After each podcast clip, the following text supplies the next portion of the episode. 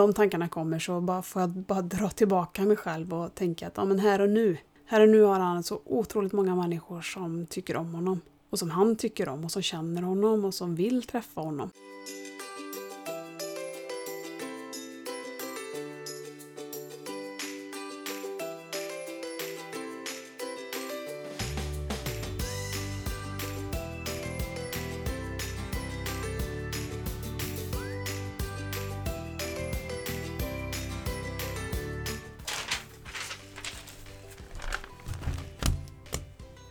Och välkomna till Nordlyckans podd avsnitt 18. Jag hoppas att ni alla har haft en fin vecka. Jag som kallar mig för Nordlyckan, jag heter Emma och Nordlyckan är för övrigt namnet på vårt torp. I den här podden får du lära känna mig i rollen som funkismamma till bästa Vide. Vide som är fyra och ett halvt år har en sällsynt ämnesomsättningssjukdom som påverkar nervsystemet. Och jag är också mamma till Alve och till Tuva. Återigen, varmt välkomna hit!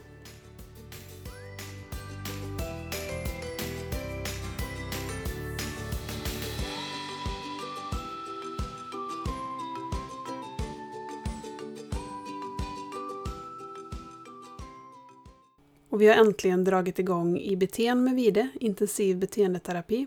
Och det innebär alltså att vi varannan vecka kommer gå på habiliteringen och träffa en specialpedagog och en logoped tillsammans med Vides resurs på förskolan. Och sen ska vi gemensamt då förskolan och hemmet träna ungefär 20 timmar i veckan med de här övningarna då som vi får från habiliteringen. Och nu i början så blir det inte riktigt 20 timmar men målet är att så småningom så ska man vara uppe i, i det antalet timmar varje vecka. Och det är som alltid att när Vide får chansen så överraskar han. För vi var där i onsdags då och så mötte vi upp eh, Vides resurs i väntrummet och sen så gick vi in till det här rummet där vi skulle sitta och träna. Och logopeden har Vide träffat tidigare men det var ganska länge sedan och har inte träffat just den logopeden mer än ett par tre gånger tror jag. Så att jag är osäker på om han känner igen henne och specialpedagogen har han aldrig träffat innan. Men det första han gjorde var att tog en i handen. Och han har en sån speciell förmåga att känna vilka personer som känns trygga. Så han höll henne i handen halva vägen där i korridoren när vi skulle gå till det här rummet. Och sen var det inget problem att sätta sig vid bordet för de hade en tripptrappstol och det har han, han har en liknande sån stol hemma och han har en sån stol på förskolan så att han kände sig nog ganska hemma.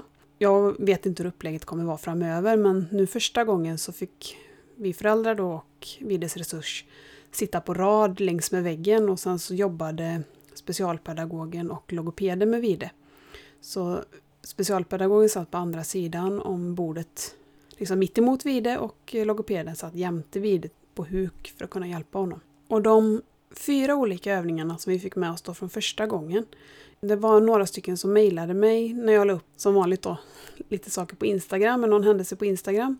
Så var det några som mejlade mig och skrev att oj, var inte det lite svårt att börja med så många övningar och vi fick bara börja med detta. Och kan ju bara tala utifrån oss. Det finns säkert sådana som får fler och svåra övningar än Vide och sådana som kanske får lite enklare övningar att börja med. Men vi har ett litet försprång eftersom vi har jobbat med liknande övningar tidigare. Vi har gått hos logoped i ett par omgångar med sån här intensivinsats. När man har gått några veckor efter varann och träffat logopeden. Vi har bland annat jobbat med PEX, det här systemet där man ska lämna över bilder. Och PEX kan också ingå i IBT. Och vi har också tränat på en del av de övningarna som vi fick med oss nu även tidigare. Sen har vi inte jobbat på riktigt det här sättet, men själva övningen i sig är samma. Det som skiljer mycket nu från när vi har fått övningar innan är den här positiva förstärkningen. Att nu i alla fall till en början, så fort vi gör rätt så ska man ge en förstärkning och en belöning direkt. Så att vi applåderar, säger bra vid det. Och så har vi arbetat både med leksaker och med ätbara saker, att han får det direkt och som en belöning för att han gjorde rätt. Och sen med tiden är ju förhoppningen att man ska kunna glesa ut belöningarna. Att han ska kunna göra övningen många gånger utan att han ska få den här förstärkningen efter varje rätt. Men nu får han ju det efter varje lyckat försök. Och sen så ska man också se till här att han inte misslyckas. Alltså man gör något som kallas för att man promptar, att man hjälper honom. Om man ser att han är på väg att ta fel sak eller så, så tar man hans hand och hjälper honom så att det blir rätt. Så att han också känner att okej, okay, så skulle jag göra för att det skulle bli rätt. Och det här tycker jag är lite svårt att förklara. Egentligen behöver man ju se detta visuellt. Och min plan är att jag ska göra en video här nu under första eller andra veckan och lägga ut på Youtube eller möjligen på Instagram och visa lite hur, hur det går för videon nu precis i början. För jag tänker att det är roligt för oss också att ha längre fram sen att gå tillbaka och se just det, så var det i början. Om man får insatsen fortsatt beviljad så kommer ju det här pågå under två års tid. Och då hoppas vi såklart att det kommer vara en väldigt stor förändring på de två åren. Men fyra övningar fick vi med oss. Den första övningen var matcha eller lägg lika. Och det är just eh, en av de övningar som vi har haft med oss innan från Hub och det har funkat inte alls. Det går ju ut på att man ska lägga två saker som är likadana på varandra. Till exempel två bilder eller två likadana saker. Nu testade de med om det var en bil och en ko. Och sen hade de en bild på en bil och en ko. Och så skulle han lägga rätt sak på rätt bild. Och då jobbar de bara liksom med en bild och en sak. Så det fanns ju bara ett rätt. Men att förstå att han skulle lägga. Och just det här har vi försökt så många gånger har jag suttit med detta. Jag har provat med saker, jag har provat med olika kort. Jag har köpt sådana här stora Babblarna-memo för att de ska vara riktigt tydliga. Och det har aldrig gått. Det har, någon enstaka gång har han nog gjort rätt men det har mer varit slumpen än att han faktiskt har förstått vad han ska göra. Men nu har vi jobbat med detta då. Eh, idag är det måndag kväll när jag sitter och spelar in detta så att vi har jobbat onsdag, torsdag, fredag, lördag, söndag, måndag. Så det är sex dagar och idag så klarade han av att vi använde tre olika saker. Eller han hade en blåkloss, en liten babba, alltså från Babblarna, ett sånt litet gosedjur och ett kort på en filmis från ett, från ett memory som vi har. Och han kunde lägga, när han liksom fick den blå klossen, lägg lika, så la han den på den blå klossen, han la dadda på dadda och kortet på kortet. Sen är det svårare för honom om vi tar fram flera kort. Då måste han koncentrera sig mer på vad det faktiskt är på bilden, men när det var så tydligt tre olika saker så löste han det idag. Så det känns nästan konstigt att se att vi bara har gjort detta i några dagar. Och så gör han plötsligt det här som jag sagt att det kommer inte gå. Det förstår inte vi det. Han förstår visst. Om man får rätt förutsättningar för att förstå.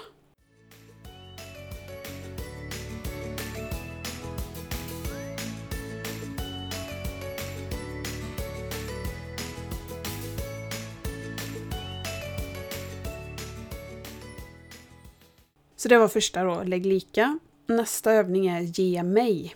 Och då har han en sak och så säger man ge mig och så ska han sträcka över den. Och sen ska man utöka då till att man har kanske två saker och så säger man ge mig bilen och så ligger bilen och en boll framför honom. Så att han ska kunna ta upp och ge rätt sak. Och med en sak börjar vi med och det var ju alldeles för lätt. Det fattar han direkt. Så nu har vi utökat till två. Ibland går det, ibland går det inte. Det, det är lite svårare, vi får ge ganska mycket hjälp för att det ska bli rätt. Sen tredje övningen som vi fick nu första gången var Gör så. För det är ju ett av Vides stora problem att han inte lär sig nya saker, är att han inte imiterar. Och det här är en början för att lära sig att imitera. Så då säger vi gör så och så gör vi någonting och så ger man honom och så ska han göra tillbaka. Så att vi började med en kloss som man la i en låda. Och det tog bara ett par dagar så fattade han det lätt att det var så han skulle göra. Och sen har vi haft två klossar som man lägger på varann. Eh, måste jag fundera, vad gjorde vi mer? Jo, vi hade en xylofon som vi slog på. Och de tre sakerna gick jättelätt. Och i alla fall både xylofonen och att bygga med klossar, det har vi ju lekt med lite grann. Så att det vet han kanske redan innan vad som förväntas att man ska göra med de här sakerna. Så att igår så utmanade jag honom lite så då tog jag fram en hatt och satte på mitt huvud. Gör så. Och då gjorde han det. Och han gillar ju inte att ha saker på huvudet. Så då härmade han mig. Fast att han kanske inte vill ha den här hatten på huvudet. Han tog ju av sig den direkt. Och sen har jag tagit fram en mugg och så att man låtsas dricker. Det här klarar han också. Idag testade jag att ta fram en eh, leksaksbil, att man ska köra med den då. Det gick inte, utan där fick jag hjälpa honom. Och när jag säger att han klarar så innebär inte det att han klarar varje gång, utan han har klarat några gånger. Och sen kan han ju tappa motivationen eller orka inte göra flera gånger på raken. Och det är ju det som är med barn med funktionsnedsättning att risken finns ju också att man tappar förmågor. Att man har en förmåga men så tappar man den för att man lär sig något annat. Så att man kommer behöva hålla igång det här hela tiden för att automatisera det här beteendet. Men det har ju gått så mycket bättre än vad vi hade kunnat drömma om. Man blir ju ändå lite orolig att inte han ska få några framsteg, så att, eller tydliga framsteg, så att man inte ska få insatsen fortsatt beviljad. För att de lägger ju väldigt mycket resurs på detta. Och det är klart att då ska ju det gå till det barnet som faktiskt har nytta av det. Men det visar ju sig redan direkt att han har ju nytta av det. Och det är det jag vetat också att när vi har haft sådana här intensivinsatser på habiliteringen både med motorik och med eh, kommunikation så har han ju lärt sig det. Han är ju, jag vet inte, det låter ju lite konstigt att säga, men han är ju träningsbar. Och han behöver ju den här hjälpen på traven. Det är det som är poängen med intensiv beteendeterapi. Att typiska barn lär sig saker hela tiden. Om man tänker på hans lilla syster så hon lär sig nya ord varje dag. Hon pekar ju på saker, testar ju meningar och vi rättar kanske henne om det blir lite tokigt. Men Vid är ett väldigt passivt barn. Om det finns barn som är hyperaktiva så är Vide motsatsen till det. För den fjärde övningen som vi fick var barnets lek eller barnets stund, jag kommer inte ihåg vad den hette. Och då är det meningen att man ska passa på när han väljer någon leksak att man som förälder ska vara som en sportkommentator och kommentera allting han gör. Men den uppgiften är omöjlig för oss för vi leker aldrig. Han går aldrig och hämtar någon sak och sätter sig med. Utan om han leker så är det alltid på vårt initiativ. Det behövs egentligen att man sitter vid bordet. För om vi sätter oss på golvet och leker med honom, då smiter han.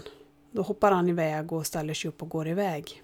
Men vid bordet så kan han inte gå ner och han visar inte heller att han vill det. Så det blir lite lugnare för honom att sitta och leka vid bordet. Men vi har ändå gjort den här barnets lek fast vi har plockat fram grejer så han har fått eh, testa att dega. Bara för att lilla syster just satt och dega. Man käkar ju mest deg men han gjorde faktiskt lite annat också. Han delade på degen och tog loss lite småbitar och gav till mig. Och, så att han gjorde ändå lite mer än att bara äta deg. Och sen testade vi att leka med en Blixten McQueen-bil. Han har inte alls varit mycket för bilar. Men Blixten McQueen, den filmen, är han intresserad av. Och han pekar ju på bilen flera gånger sådär att Titta mamma, det är Blixten McQueen. Så ändå ganska nöjd, men han vill ju gärna att jag ska leka och han ska titta på. Så han ger ju den hela tiden till mig. Att du får göra mamma, du får göra. Fast det är meningen att han ska göra och jag ska kommentera. Men vi har ju precis kommit igång med det. Och än så länge tycker jag bara att det känns superroligt. För jag har ju saknat också det här att leka med honom. Eftersom det har varit svårt att veta hur man ska leka. Så blir ju detta, vi, säger till honom att vi ska leka även fast jag i huvudet tänker att vi ska träna. Men han mm, har tyckt att det varit jätteroligt.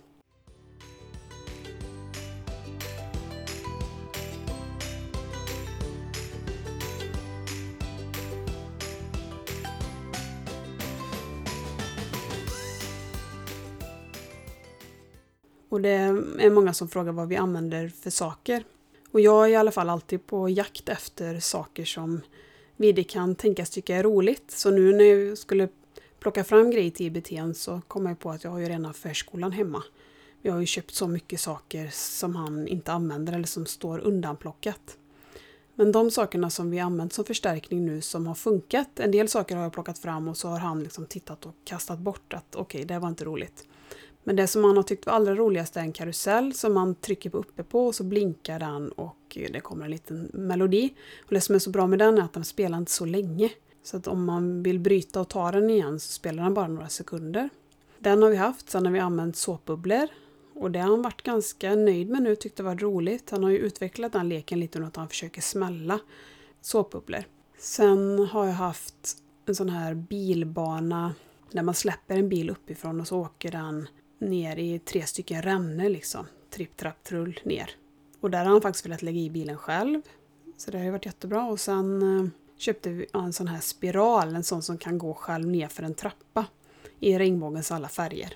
Och den tycker han också om att sitta och vända liksom på fram och tillbaka. Se om det var någon mer förstärkare vi hade köpt nu eller plockat fram nu. Mm, jag kan inte komma på om det var någon mer. Och sen har jag använt lite ätbara saker också. Och det har vi gjort på kvällen. För igår kväll, då hade han först gympa på förmiddagen Och sen så var vi en sväng i stan och åt lunch och vi var i leksaksaffären och sen hade vi besök på eftermiddagen. När vi skulle sätta oss ner och träna på kvällen efter kvällsmaten en stund så var han jättetrött. Och då tog jag fram ostbågar för att motivera. Då funkade inte leksakerna, då bara skrek han. Men med ostbågarna gick det. Och det var likadant idag när vi tränade efter att han kom hem från förskolan. Då hade jag en kaka som jag delade i små bitar och gav honom. Och han orkar ungefär en kvart nu och koncentrera sig på det här. Sen tänker jag, tycker jag att när vi tränar hemma nu så blir det lite mer intensivt med själva övningarna. På habiliteringen lät de nog honom leka lite längre emellan. Men han är faktiskt så pass motiverad nu så att om han får till exempel den här karusellen som han trycker på som blinkar och låter. Så när han har lekt med den en liten stund så räcker han över den till mig. Att okej okay, mamma nu är jag nöjd, nu kan vi köra igen. Så det blir en väldigt intensiv kvart både för honom och eh, för mig. Och vi får se med tiden om vi kommer kunna utöka tiden. För att det blir väldigt många kvartar på en dag om man ska komma upp i, i tre timmar. Och sen försöker jag hitta de här tillfällena i vardagen där man kanske kan träna fem minuter. Till exempel när vi äter eller när man ska klä på kläder. Man får försöka hitta när man kan använda de här övningarna utan att ta fram de här specifika leksakerna. Det går ju att använda precis vad som helst egentligen. Vid maten till exempel hade jag framme två skedar för att lägga lika. Och ge mig skeden. Och, så det går ju att använda. Man måste ju inte köpa massa saker, även om det är lite roligt att köpa saker också. Och jag har varit inne på nätet och kollat runt för jag tror att vi behöver ha lite fler saker att alternera mellan eftersom vi ska ju träna det här varje dag nu hela tiden. Så kommer man kanske tröttna på leksaker eller det kan vara bra om man kan ha saker som man kan plocka fram en dag och nästa dag har man något annat. Så jag har tittat på någon fläkt som blinkar och sen har jag tittat på saker som vibrerar. På habiliteringen hade de någon klosslåda som det låter när man lägger i klossen. Vad var det mer? Ja, det var massa andra saker. Det var någon boll som blinkar som jag tittade på. Det var något rör som knakar när man böjer och vänder det fram och tillbaka. Ja, så julklappstips kommer inte bli ett problem heller utan det finns eh, massa saker helt plötsligt som vi kan använda till vide.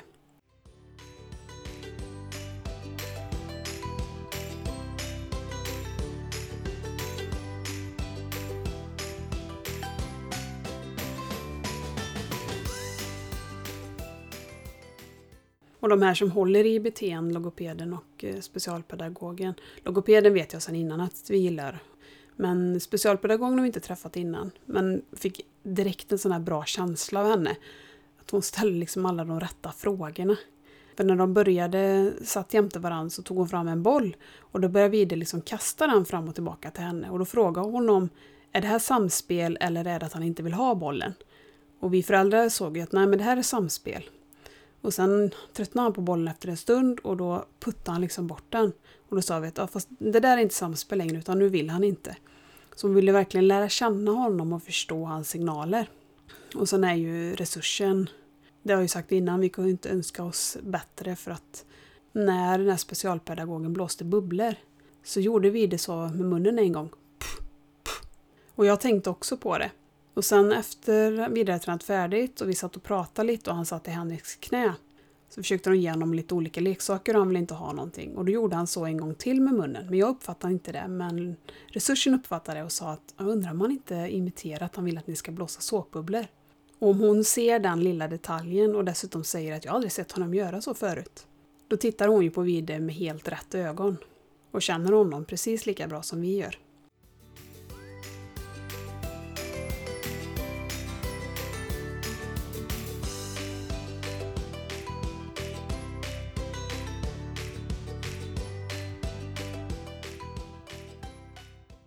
Så här låter det när vi tränar IBT med Vide här hemma.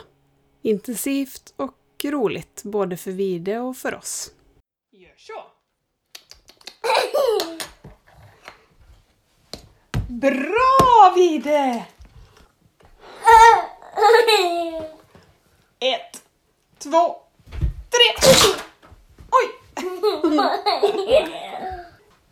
Ge mig kråkan! Bra! Ska vi göra en gång?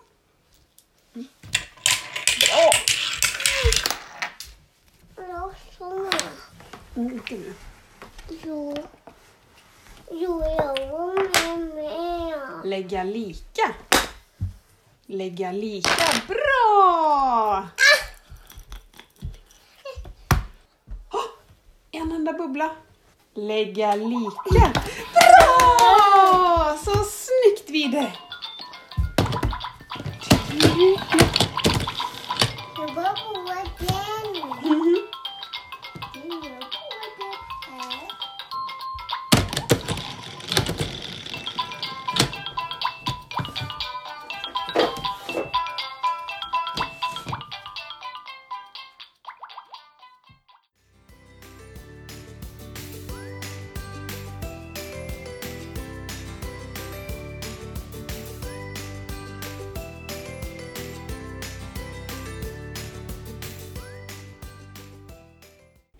Avsnitt 16 av Nordlyckans podd så pratade jag om att jag inte kan se mig själv och lämna Vide till korttidsboende. Och i samma avsnitt pratade jag om att vi hade ansökt om utökad tid för Vide på förskolan. Och de två sakerna är kanske lite motsägel, motsägelsefulla. Men det jag menar, eller så som jag känner, är att jag vill inte lämna bort Vide den här familjetiden vi har när vi är hemma alla fem. Att det hade känts jättekonstigt och tomt om vi skulle göra utflykter utan Vide. Bara vi andra fyra. Men det är en annan sak att han kommer gå lika mycket på förskolan som han har gjort innan. Bara det att jag kommer ha Tuva hemma en dag i veckan. Så att jag får ge henne lite mer fokuserad tid bara på henne. Så för mig är det två olika saker. Och kortis passar ju såklart jättemånga. Och om det passar just er och er familj så är det ju toppen att det finns. Sen så vill jag bara säga att när jag hänger ut eh, Henrik här i podden så dels så om han vill hänga ut mig så får han skaffa sin egen podd. Men allting som jag säger här har jag stämt av med honom innan. Och kan vi inte bara snälla fortsätta att vara vänliga mot varandra även på nätet? Jag har gått med i en grupp på Facebook för barn som tränar IBT. Det var ett inlägg där nu i veckan där en mamma bad om råd därför att förskolan hade svårt att få ihop timmar för det här barnet. Och hon undrade hur hon skulle tackla det med förskolan, hur hon skulle lägga fram det för att de skulle fortsätta träna och komma upp i en större träningsmängd. Och då var det många som gav väldigt många fina förslag men så är det alltid någon då som ska sticka ut och säga att nej men du kan inte förvänta dig att förskolan ska träna med ditt barn alls utan du kommer behöva träna alla dina timmar hemma och vi tränar si och så här många timmar. Om du inte tränar så här många timmar så kommer du inte få någon effekt. Bla bla bla och så vidare. Och jag blir ganska irriterad för jag försökte skriva lite snällt men sen såg jag att jag tror att administratörerna för den här sidan hade tagit bort den här personens inlägg så det kan ju hända att det var en trollmedlem som brukar skriva saker i trådar.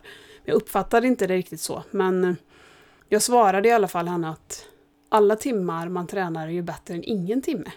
Och sen skrev jag att vi precis har påbörjat och att vi den här första veckan har kommit upp ungefär fem timmars träningar hemma skulle jag tro att det blir, fem, sex timmar. Och att förskolan, jag vet inte för jag har inte sett hennes lapp, men någonstans runt där skulle jag tro att det blir ungefär samma. Och det är ungefär hälften av de timmarna då som det här programmet innebär. Men att vi kommer ju ha en upptrappning och hoppas att vi ska kunna träna de här 20 timmarna så småningom. Men hon var också benhård på att det är 30 timmar i veckan som gäller och så är ju inte det överallt utan riktlinjerna ser olika ut på olika habiliteringar. Jag har hört 20 timmar, 25 timmar, 30 timmar, jag tror till och med att jag har hört 40 timmar. Men hos oss är det 20 då.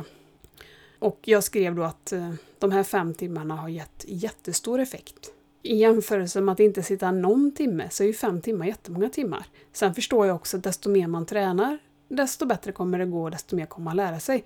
För så är det ju med allting. Men det blir en väldig press om man går in i ett forum och vill ha lite stöttning och så blir man nedklankad att det där kommer, det typ att det är ingen idé. Om du inte gör så här många timmar så är det ingen idé. Så snälla, lite ödmjukhet och lite mer glädje och hjälpsamhet på nätet. Vide härmar ju inte saker. Väldigt sällan sett honom härma varken saker på TV eller oss eller syskonen. Men nu, jag tror vi hade hållit på med IBT i tre dagar. Så var det Bolibompa på och sen så när Bolibompa Drakens dans går igång på slutet så är det lite musik först så att man hör ju att snart ska vi dansa. Då gick han ur soffan och så gick han fram och ställde sig framför tvn. Och sen har han ju ett visst stimmande där han viftar på händerna på sidan av kroppen och sen slår ihop händerna. En del i dansen är ju att draken sätter händerna ovanför huvudet och gungar fram och tillbaka. Och då gjorde vi det där vid ett tillfälle när draken gjorde. Upp med händerna och så en liten så här miniviftning och så ner. Vi som känner honom väl såg att det där var inte en stimning. Det där var en imitation. Så den som inte tror att fem eller kanske tio timmars träning i veckan gör någon skillnad. I Vides fall så är i alla fall det fel. Jag tänker också att vi kan vända på det här med de här timmarna på IBT. Tänk om jag skulle lägga 20 timmar i veckan med intensiv träning på någon idrott för Alve eller för Tuva. Då tror jag folk hade höjt på ögonbrynen. 20 timmar i veckan är alltså tre timmar om dagen, sju dagar i veckan. Det är ju som en elitsatsning för en fyraåring.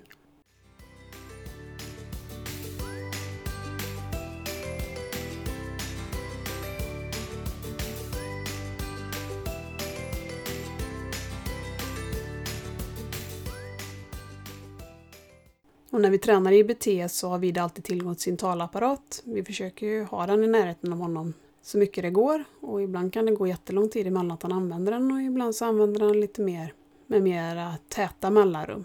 Men nu när vi satt träna då, eller vi säger ju leka till honom när vi håller på med IBT. Det var ju onsdagskväll förra veckan, nej det kan det inte ha varit. Ja, det var en vardagskväll, han hade i alla fall varit på förskolan den dagen så att han var väldigt trött. Jag hade lite svårt att motivera honom. Och då provar vi lite med ätbara saker. Och då är det roligt för att talapparaten är ju inte fullständig. Det är klart att mycket finns, men färdiga fraser har han inte jättemånga. Och så ska det ju vara en fras som passar med det tillfället också. Men då gick han in på kategori bowling och så tryckte han på “Jag orkar inte bovla mer”. Jag tyckte det var så bra. Han eh, uttryckte ju att “Jag orkar inte leka mer”. Men han har ju ingen knapp att “Jag orkar inte leka mer” utan då tog han det som låg närmast till hands. Och det var ju väldigt tydligt.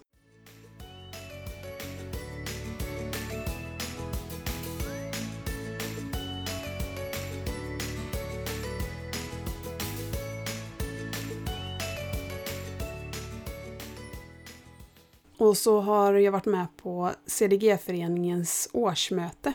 Vi gick med i CDG-föreningen nästan direkt efter att vi hade fått Vides diagnos just den, det syndromet som vi har finns det inget annat barn i Sverige som har, men det finns ju många barn som har, eller inte många, men det finns nog kanske tio barn ungefär som är medlemmar i föreningen som är under 18 år som har någon form av CDG. Och sen så finns det ett antal också då som är vuxna. Och så mycket annat då så blev årets familjeträff inställd. Den skulle varit i maj på Kristi himmelfärd. Så vi har inte träffat någon i CDG-föreningen. Men jag har haft ganska mycket kontakt med Anna som är ordförande. Och eh, särskilt precis när vi fick diagnosen så var hon väldigt hjälpsam med kontakter och vilka grupper på Facebook man skulle gå med i och vilken läkare man kunde ta kontakt med om man ville ställa frågor. Och, och hon skickade länkar och ja, jag är väldigt tacksam över det. Och nu hade vi då årsmöte över nätet. Och det är ju inte samma sak som att träffas i verkligheten men, men det var väldigt roligt att se alla. Vi var det var nio eller tio stycken, som, eller nio eller tio stycken familjer som var med på mötet. Så det var först en, ett kort årsmöte med formalia och sen så fick var och en berätta lite om, det var väldigt många nya, vi var nog eh, kanske fyra nya familjer som har kommit till sedan årsmötet förra året, varav vi var en av de familjerna. Då. Så alla fick berätta lite om vad som hade hänt sen sist och så. Och då var det en pappa där som hade en pojke som var runt året där de hade fått prova en medicin som heter Diamox. Och den här Diamox-medicinen, om jag har förstått det rätt då, så ska det på något sätt stimulera lillhjärnan, vara bra för motorik och balans. Och man har då gjort försök på barn som har den varianten som den här pappans son har. Han sa att man brukar ge den här medicinen till överviktiga tonåringar. Vide har ju en ganska svår balansrubbning och han är svår att motivera att röra på sig. Han har inte ett riktigt driv. Så då finns det en läkare i Lund som forskar på CDG-syndromet. Så jag eh, mejlade till honom och frågade om den här medicinen, om det skulle kanske vara något som var aktuellt även för Vide. Och då svarade han mig att om man skulle ge det till Vide så skulle det i så fall vara på ett experimentstadium. Och att det möjligen skulle kunna vara så att man kunde tänka sig att göra det. Men då måste det skickas en remiss från vår läkare dit till Lund och sen så ska man då göra någon bedömning och titta på det. Och det är inte på något sätt så att vi har bestämt oss för det, för jag har ingen koll på alls om det finns biverkningar och så vidare. Men om det hade kunnat hjälpa vidare lite framåt i den motoriska utvecklingen så hade vi nog i alla fall så här som en första spontan tanke varit villiga att testa det. Nästa år är ett väldigt spännande CDG-år. Först hoppas vi att det blir av en vecka på Ågrenska. Det är en del av mina gäster här i podden som har pratat om Ågrenska. Alla som jag har pratat med som har varit där säger att, det är, att de är fantastiska. Och att det är fantastiskt både för föräldrar och syskon och för barnet som har en sällsynt eh, diagnos. Men det är ju alltid några män om det blir av. Det måste nog vara tillräckligt många familjer som anmäler sig och sen så måste regionen godkänna att de betalar vistelsen där. Men vi håller tummarna för att det blir en vecka där på Ågrenska i mars. Och sen är det en världskonferens i Lissabon för CDG.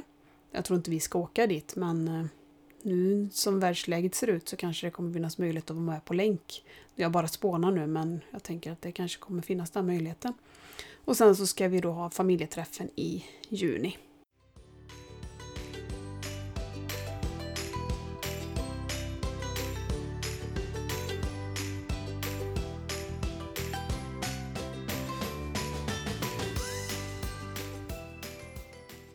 Så var det en lyssnare som skickade en länk till ett blogginlägg där rubriken var Intensiv beteendeterapi är en effektiv metod för dressyr av autistiska barn. Och jag skrev till eh, den här lyssnaren som skickade den här länken till mig att, eh, att jag hade så mycket att säga om detta så att jag svarar på det här i podden istället för att svara hennes, på hennes mejl. Alltså min första reflektion är leta inte sån här information på bloggar. Jag gick tillbaka och tittade lite i den här bloggen vad det fanns för andra inlägg.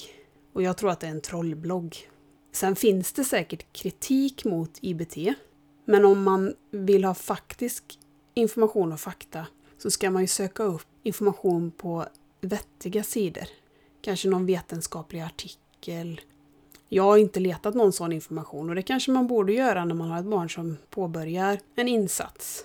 Men vi kan ju inte förstöra Vide. Vide kan ju så lite så att det kan ju bara bli bättre. Och jag tror att det här ordet intensiv beteendeterapi så tror man att det är något lite hokus pokus. Men som jag sa innan, så många av de här övningarna som vi gör nu, även om vi gör det på ett lite annat sätt, men själva övningarna är ju samma som vi har gjort innan när vi har gått hos logopeden. Och när jag läste den här bloggen och eh, läste i kommentarsfältet så förstod jag ju att den som äger den här bloggen har ingen egen erfarenhet av IBT, utan har bara plockat upp saker då från olika forum och skrivit ett inlägg. Där den personen också uppfattat det som att man bestraffar felaktiga beteenden. Och så är ju inte alls fallet. Det finns ju ingen bestraffning i IBT, utan bara förstärkning. Positiv förstärkning. Och det finns ingen förälder, hittills i alla fall, som har skrivit till mig att de ångrar att de påbörjar IBT och att det har förstört deras barn på något sätt. Det är ju precis tvärtom, att du får ju massa ny kunskap och du lär dig att förstå ditt barn med autism. Och mycket av de här övningarna i IBT handlar ju också om att förbereda sig inför skolan. Nu blir det inte riktigt samma för Vide eftersom han också har en intellektuell funktionsnedsättning. Men om man inte hade haft det utan att man eh, bara har autism. Det låter så dumt när man säger bara, men ni förstår vad jag menar. Man bara har den diagnosen, man bara har en, ja det blir ordet bara hela tiden. Med autismdiagnosen utan en intellektuell funktionsnedsättning så är det ju ännu viktigare att man förbereder sig inför skolan. För skolan kan ju anpassa sig efter neuropsykiatriska funktionsnedsättningar till viss del, men mycket är ändå inte anpassat. Och då kanske man behöver anpassa barnet efter skolan så gott det går. Den största förhoppningen för oss med IBT är ju att vi ska börja imitera. Jag hade blivit jätteglad om han hade börjat teckna.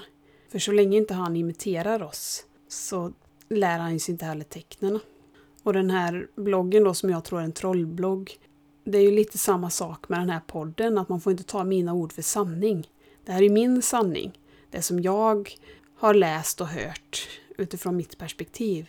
Men jag försöker poängtera det att jag är inte psykolog, jag är inte logoped.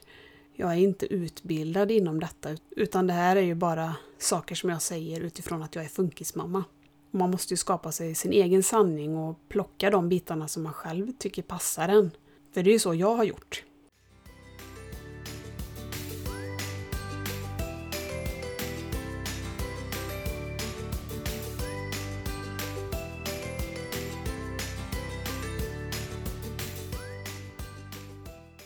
Säker på om jag har sagt det här i podden, men han har haft perioder när han har haft så ont i magen så att vi har misstagit det för epilepsi. Att vi har trott att han har krampat och åkt in till barnakuten. Och därför har han gjort, han har gjort tre stycken EEG, heter det va? Och eh, den tredje gången så lyckades han somna och det visar inte någon eh, epileptisk aktivitet så att han har ingen epilepsi, vad vi vet i alla fall.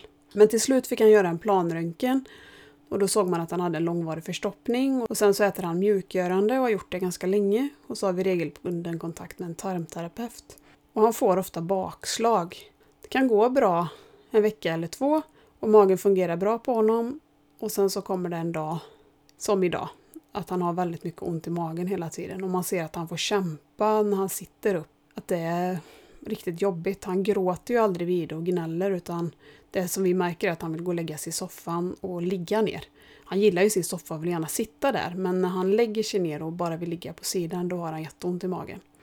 Och nu har vi kollat med tarmterapeuten om vi får ge honom smärtstillande, för jag tycker det känns lite läskigt också att ge honom smärtstillande eftersom han visar så lite tecken på smärta. Om man då plockar bort eh, smärtan så kanske vi inte märker om han blir sämre eller om det skulle vara någonting annat. Men nu har vi fått godkänt att kunna ge honom Alvedon när vi ser att han har ont i magen. Så det känns ändå skönt att kunna lindra det lite. Och det syndromet som Vida har finns det risk för att proteiner läcker i tarmen. Och jag har inte läst på detta jättebra. Men det är någonting då vi ska ta upp med läkaren för att om det kan vara orsaken till att han får ont i magen så ofta. Sen att han blir förstoppad har vi fått förklarat att om man har låg muskeltonus och dessutom är ganska mycket stillasittande som vi är, så har man ju risk att få förstoppning. Så det kan vara den enda orsaken. Eller så är det någonting i syndromet som gör att han får förstoppningar hela tiden. Emellanåt så gör vi tarmsköljningar här hemma på honom också. När det inte lossar. Det händer ju också att han spyr upp mat för att han är så förstoppad. Och man märker väldigt tydligt på aptiten att han har svårt att få i sig när han har ont i magen. Och annars är han en matglad kille. Och så har vi det gjort ett, blandar ihop de här bokstäverna. EKG heter det va, på hjärtat. Och allting såg jättefint ut och han har gjort en sån undersökning tidigare för kanske två år sedan. Men allting såg fortfarande jättefint ut. Och nu har Henrik lyckats också ta de här proverna som vi skulle tagit för ett tag sedan. Så nu väntar vi bara på svar där. Förra gången så var levervärdet lite i överkant eller det var strax över gränsvärde. Så vi får se om det är det fortfarande, om man kommer göra någon uppföljning på det eller hur det ser ut.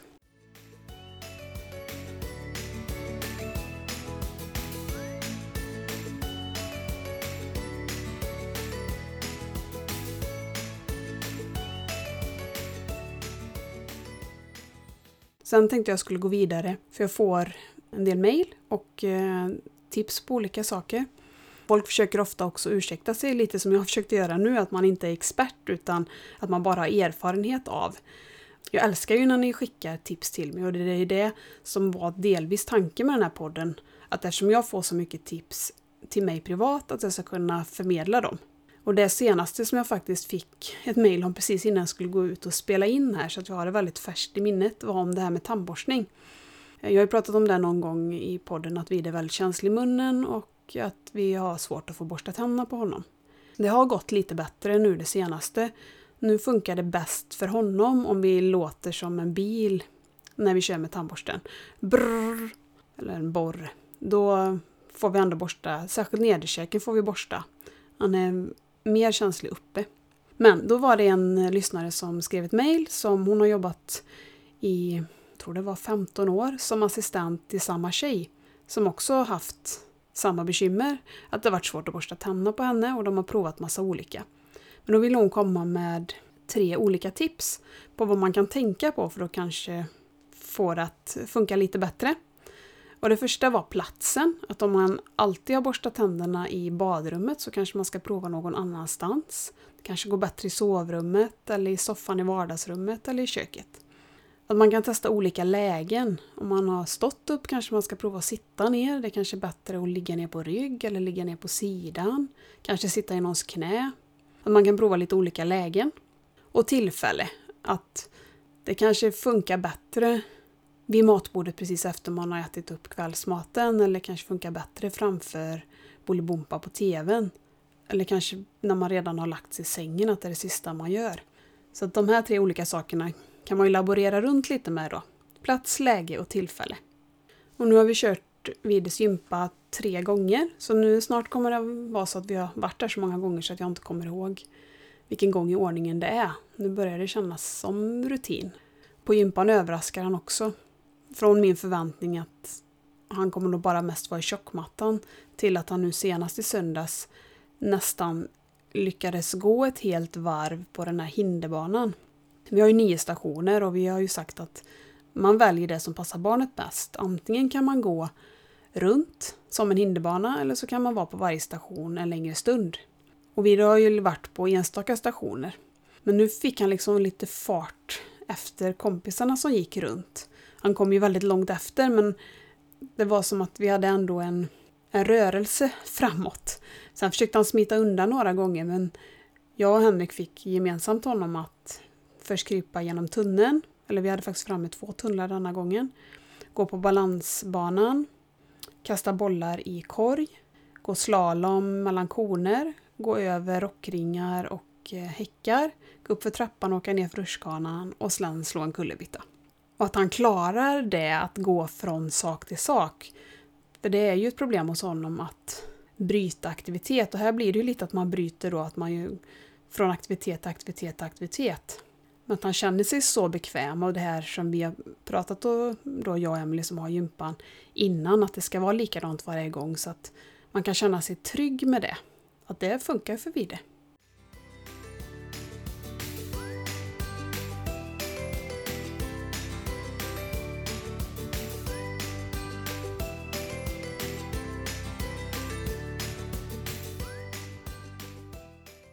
Och sen tänkte jag avsluta veckans podd med två stycken tv-tips. Det första är Love on the Spectrum. Det är en serie som finns på Netflix där personer med autism, man får följa dem när de dejtar. Första tipset. Och det andra tipset är filmen Catwalk, den svenska filmen Catwalk. Som är en film i samarbete med Glada Hudik-teatern. Där ett antal vuxna med funktionsvariation får uppfylla sina drömmar om att bli modeller och gå på catwalken i New York. Jag har äntligen sett den nu för nu finns den att eh, hyra på nätet. Och jag kan inte sitta och titta på sådana filmer för att tårarna bara sprutar men eh, jättefin film. Verkligen sevärd.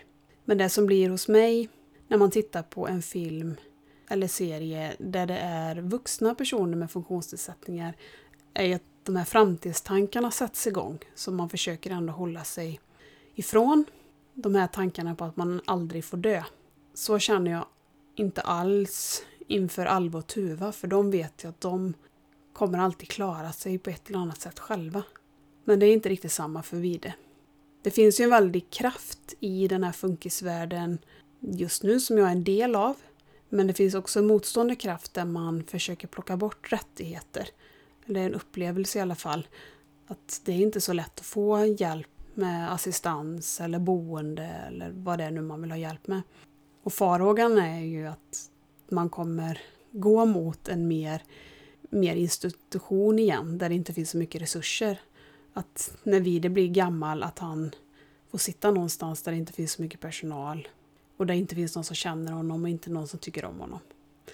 När jag, de tankarna kommer så bara får jag bara dra tillbaka mig själv och tänka att ja, men här och nu här och nu har han så otroligt många människor som tycker om honom. Och som han tycker om och som känner honom och som vill träffa honom. Och vi, jag hoppas bara att det fortsätter att vara så. Tack så jättemycket för att ni har lyssnat. Glöm inte att prenumerera på podden. Ni får jättegärna också kommentera eller ladda ner avsnitt. Och tipsa gärna och dela vidare. Så att fler hittar hit.